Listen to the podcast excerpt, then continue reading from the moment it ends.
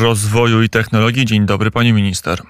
Dzień dobry panie redaktorze, dzień dobry państwu. Jarosław Kaczyński, Prawo i Sprawiedliwość. Właściwie z Jarosławem Kaczyńskim w roli głównej spot rano cię opublikowało. Spot, który ujawnia pierwsze pytanie referendalne o wyprzedaż majątku narodowego. Jak pani minister zagłosuje? Na tak Zasadne. To no, oczywiście moja sprawa, jak zagłosuję i tutaj nie chciałabym też e, w jakikolwiek sposób wpływać na e, opinię, to po pierwsze, e, ale No jak to nie wpływać na opinię? sugerować. Po to są politycy, żeby, sugerować. żeby nie, Panie podpowiadać. redaktorze, referendum to święto demokracji, niech z tego święta absolutnie każdy korzysta w oparciu o własne analizy, ale mogę tutaj absolutnie potwierdzić też bardzo dużą zasadność e, tego pytania pierwszego dotyczącego wyprzedaży tego majątku, e, a raczej wykupienia tego majątku przez kapitał e, zagraniczny. Mamy wiele wypowiedzi już polityków ze sceny e, opozycyjnej, z opozycji, którzy mówią wprost e, bardzo takie oczywiste, że no, trzeba doprowadzić do prywatyzacji wielu e, sektorów gospodarki. No my jesteśmy absolutnie przeciwko, uważamy, że interes narodowy, szczególnie w gospodarce, to jest fundament silnego państwa i powinniśmy starać się, aby polskie firmy i polski kapitał był jak najszerzej promowany i miał możliwe najlepsze środowisko do tego, żeby powstawać, otwierać się tutaj w Polsce. Mówimy tutaj konkretnie chociażby o tym kapitale niemieckim. Po to zresztą stworzyliśmy ustawę o fundacjach rodzinnych, panie redaktorze, e, która e, zabezpiecza interes i majątek firm rodzimych, szczególnie z sektora małych i średnich firm, aby nie był on wykupiony przez kapitał zagraniczny. To, to jest ustawa, która powstała ponad podziałami jakimikolwiek też polity, po, politycznymi, z udziałem wielu środowisk. Ta fundacja rodzinna już funkcjonuje, pierwsza fundacja rodzinna powstała i chodzi o to, aby w momencie kryzysu, jakichkolwiek perturbacji gospodarczych, z jakimi mamy miejsce w, w, w trwającej wojnie, ale również w pandemii, nie doszło do sytuacji, w której po zaniżonej cenie ten majątek zostanie wykupiony. No ale myśli pani minister, że ktokolwiek ma inny pomysł, że ktokolwiek powie tak, trzeba, jakakolwiek inna partia powie tak, wyprzedamy majątek narodowy Niemcom? Widział pan um, urywkę rozmowy pomiędzy panem Cejrowskim a e, Mencenem, w której to Mencen po- odpowiedział, że nie za bardzo zna się na lasach, ale uważa, że lasy powinny być sprywatyzowane. No i to są właśnie te odpowiedzi i te komentarze, które pojawiają się w przestrzeni publicznej, padają z ust e, wielu polityków i myślę, że najlepszym, co możemy zrobić dzisiaj dla polskiego społeczeństwa, to zadać im to pytanie, żeby mogli sami odpowiedzieć, czy chcieliby pracować w polskiej firmie prowadzonej przez Polaków, czy jednak chcieliby pracować dla francuskich, niemieckich firm w bardzo szerokim tego słowa znaczeniu i obszarach różnych gospodarek. To was ma odróżnić e, od Konfederacji? to nie ma nas odróżnić, tylko nas odróżnia, ponieważ my mówimy o narodowym biznesie, o narodowym systemie gospodarczym i o tym, aby oczywiście w relacjach em, gospodarczych być w Unii Europejskiej i poza Unią Europejską, ale na zasadach i warunkach, które gwarantują ten kapitał polski. No To ma być jedno z kilku pytań. Do tej pory no, mówiono gdzieś tam, że może tych pytań będzie więcej, ale oficjalnie e, wszyscy politycy PiSu mówili, że raczej albo na pewno będzie jedno tylko e, pytanie. Skąd ten pomysł, żeby tych pytań było aż, cztery, bo tak się w tej chwili wydaje, że to będą cztery pytania referendalne. To trzeba pytać e, też no, innego gremium politycznego, ale z mojej perspektywy zresztą zgodnie z tym, o czym mówił w swoim wywiadzie prezes Jarosław Kaczyński, premier Jarosław Kaczyński, dwa tematy fundamentalne, czyli bezpieczeństwo, a raczej gospodarka i bezpieczeństwo, to są te rzeczy, które będą decydowały o tym, jakie, jak te wybory e, też przebiegną i też jaki będzie kształt Polski w Europie i poza Europą. I też jej, jej, siła, jej siła Polski. Więc tutaj te dwa tematy, czyli gospodarka i bezpieczeństwo. Kolejne tematy światopoglądowe, które nam opozycja bardzo często próbuje narzucić, to jest tylko i wyłącznie oś i linia łatwa, e, linia e, takiego przebiegu tej kampanii Donalda Tuska. I my nie dajemy się w to wprowadzać, staramy się Bo jest to dla was niewygodne pole. Ja pamiętam dobrze i pani minister też dobrze pamięta kampanię Andrzeja Dudy w roku 20, no, gdzie był bardzo mocno, bardzo silny akcent światopoglądowy przez sztab Andrzeja Dudy e, pokierowany w sztabie, gdzie było wielu polityków Prawa i Sprawiedliwości. Panie redaktorze, nie zgodzę się, że jest to niewygodny temat, ponieważ my z każdym niewygodnym tematem mierzymy się i po- i pokazujemy również, że jako formacja Zjednoczonej Prawicy potrafimy wyciągać wnioski z błędów, które popełniamy, ale również dochodzi do nas do sytuacji, w których no jeżeli ktoś taki błąd popełni, no to oczywiście konsekwencje są wyciągane. Jeżeli chodzi o światopogląd, mówimy tutaj między innymi o temacie kobiet, który przecież jest bardzo wygodnym środowiskiem dzisiaj dla Donalda Tuska do wykorzystania tego środowiska w kampanii wyborczej. Tylko mało kto z opozycji pamięta, ile żeśmy zrobili dla Polek. Po pierwsze, nie byliśmy formacją, która zwiększyła wiek emerytalny o 7 lat, a pragnę przypomnieć, że nasi poprzednicy jednak dla kobiet ten wiek emerytalny do, o 7 lat podwyższyli. Nie jesteśmy formacją, która doprowadzała do tego, że kobiety pracowały za 5, za 6 zł za godzinę, nie mając umowy um, o pracę, tylko właśnie pracując na tak zwanych śmieciówkach coraz częściej i nie mając też wyboru e, co do tego, z jakiej umowy mają korzystać. Stworzyliśmy pakiet naprawdę bardzo szeroki społeczny do tego, aby kobiety mogły godnie wychowywać dzieci wraz ze swoimi mężami w rodzinach, gospodarstwach domowych. Staramy się stabilizować również rynek e, mieszkaniowy i nieruchomości, więc jeżeli mamy rozmawiać o tym, co jest dla nas niewygodne, to my staramy się w momencie, kiedy jest temat trudny, problematyczny, przede wszystkim rozmawiać ze społeczeństwem. Wielki atak, panie redaktorze, na pikniki 800+. Ja tego kompletnie nie rozumiem, ponieważ kampania ostra kampania outdoorowa, czyli takie banery, billboardy, różnego rodzaju reklamy zewnętrzne na nośnikach, PiS równa się drożyzna, to jest właśnie wydatkowanie, marnotrawienie środków publicznych, marnotrawienie środków em, em, tak naprawdę ludzi finansowych. No tylko, że one idą z kieszeni kampania. partii, a e, to idzie z kieszeni rządu, trochę Ale, inna kieszeń, trochę inne pieniądze. Nie, nie, nie, nie, to nie, to nie są inne pieniądze, bo pieniądze są te same. To są pieniądze absolutnie, nie, nie mamy potwierdzenia z jakich środków te, ta kampania cała PiS równa się drożyzna była finansowana, to po pierwsze.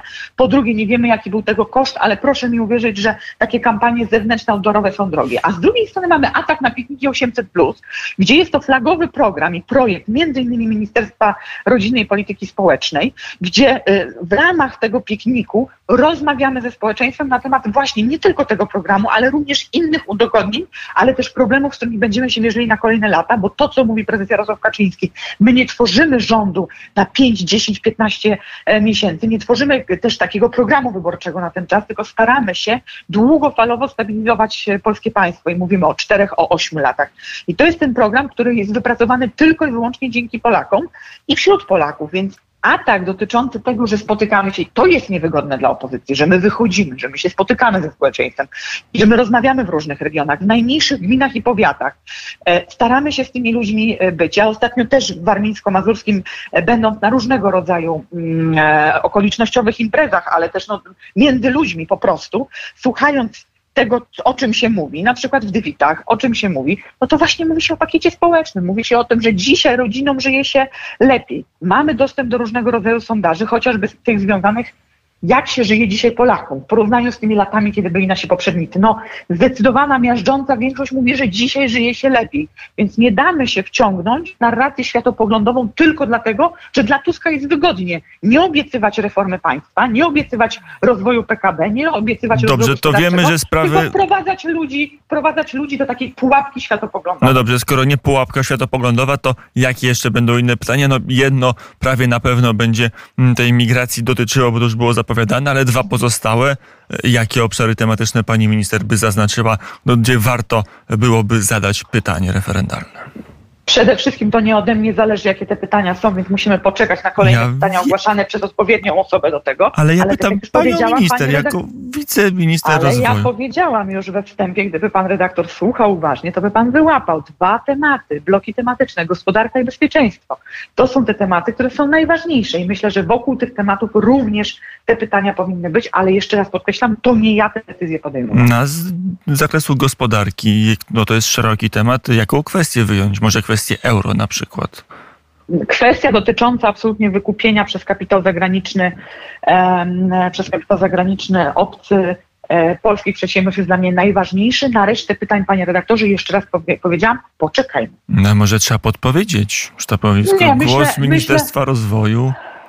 Myślę, że tutaj absolutnie głos wszystkich resortów brany jest pod uwagę. Jeszcze raz powiedziałam, to inne gremium będzie to prezentowało i przedstawiało. Mm, czekamy na program, który był zapowiedziany przez kierownictwo Prawa i Sprawiedliwości. Ma być ogłoszony na koniec sierpnia, początek września. Co tam właściwie będzie nowego względem gospodarki? Będą nowe akcenty, będą jakieś nowe elementy polityki gospodarczej Prawa i Sprawiedliwości? Bardzo dużo czasu poświęcamy nie tylko w tej, ale również w poprzedniej kadencji e, przedsiębiorcom, szczególnie regulacji też tego prawa pod względem systematyczności, przewidywalności. To też nie są łatwe elementy, chociażby przy zmianie systemu podatkowego, w którym ta, te proporcje były przez wiele lat zaburzone, czyli bardzo bogaci ludzie nie płacili proporcjonalnie do swoich zarobków, e, nie odprowadzali środków do budżetu. My staramy się to na bieżąco zmieniać. Ta zmiana systemu podatkowego przede wszystkim wynika z solidarności, solidarności też tej ekonomicznej, związanej z budżetem, który, z którego wypływają środki finansowe na różne cele społeczne, ale też na służbę zdrowia, też na bezpieczeństwo. Więc myślę, że kontekst w ogóle gospodarki odgrywa tutaj bardzo ważną rolę. No i w najbliższych tygodniach oczywiście będzie przez odpowiednie gremium prezentowane. Mm, no dobrze, to zobaczymy jakie to będą, ale zmienią się akcenty. No, wiele osób można wychwycić. Wczoraj e, z wypowiedzi Mateusza Morawieckiego, pana premiera, można było wychwycić, że jakby więcej akcentów jest na wolność, swobodę e, gospodarczą niż na politykę taką rodzinną, społeczną czy zgoła socjalną, na transfery społeczne. To się zmieni?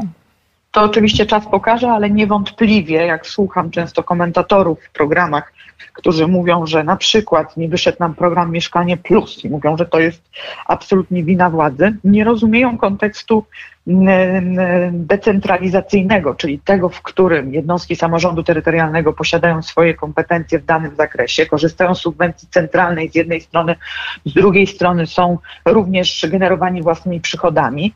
To jest bardzo ciężki problem do rozgryzienia przez wielu publicystów, którzy mówią, to tylko Prawo i Sprawiedliwość jest za to odpowiedzialne, nie rozumiejąc funkcjonującego prawa w oparciu o kompetencje, o zasady, o to, w jakim zakresie na przykład jednostki samorządu terytorialnego mogą działać. I my żeśmy wyciągnęli z tego wnioski. Z Mieszkania Plus wyciągnęliśmy wnioski, że nie ma świata idealnego, że nie wszystkie samorządy będą chciały współpracować, że nie wszystkie samorządy będą chciały szukać i pozyskiwać też tego, ten teren pod budowę tych mieszkań. Stąd przejęliśmy wajchę, przerzuciliśmy wajchę w drugą stronę i staramy się wpływać na to, aby dostępność chociażby do kredytu dwuprocentowego była większa. Już widzimy, że ponad 20 tysięcy ofert, które jest na bieżąco zgłaszane do dziewięciu banków, które biorą udział w tym programie, to jest już zainteresowanie społeczne. Nie ma czegoś takiego w państwie jak jeden złoty środek na rozwiązanie wszystkich problemów. Stąd myślę, że też premier Mateusz Morawiecki, który e, ma bardzo szerokie doświadczenie i kompetencje związane z obszarem gospodarki, z obszarem finansów publicznych, ale też rynków finansowych, no, wie o tym, jaką podwaliną w polskiej gospodarce są dzisiaj przedsiębiorstwa. Mówimy tutaj szczególnie o tych małych e, i średnich, bo oni tworzą 96-97% polskiej gospodarki i to dla nich właśnie taka przewidywalność, taka perspektywa tego bezpieczeństwa gospodarczego powinna powinna być zapewniona, choć oczywiście, jeszcze raz podkreślam, czasy są bardzo trudne i na przykład ceny surowców, ceny energetyczne, one miały swój e, wzrost gwałtowny właśnie w wyniku, no niestety, takich, a nie innych relacji międzynarodowych w kontekście tej wojny między Rosją a Ukrainą. To się dzisiaj już możemy przygotowywać do tego, że takie rzeczy być może jesteśmy w stanie w jakiejś perspektywie przewidzieć, ale cały czas ten czas gospodarczy jest e, bardzo niepewny. No i wszystko zależy od tego, jak ta sytuacja międzynarodowa będzie się rozwijać dalej.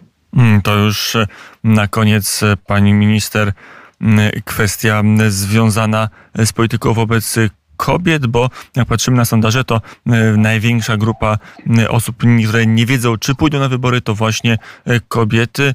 Prawo i Sprawiedliwość ma propozycję, będzie chciało się odwal- zawalczyć o elektorat kobiecy w tych wyborach, a jeśli tak, to w jaki sposób?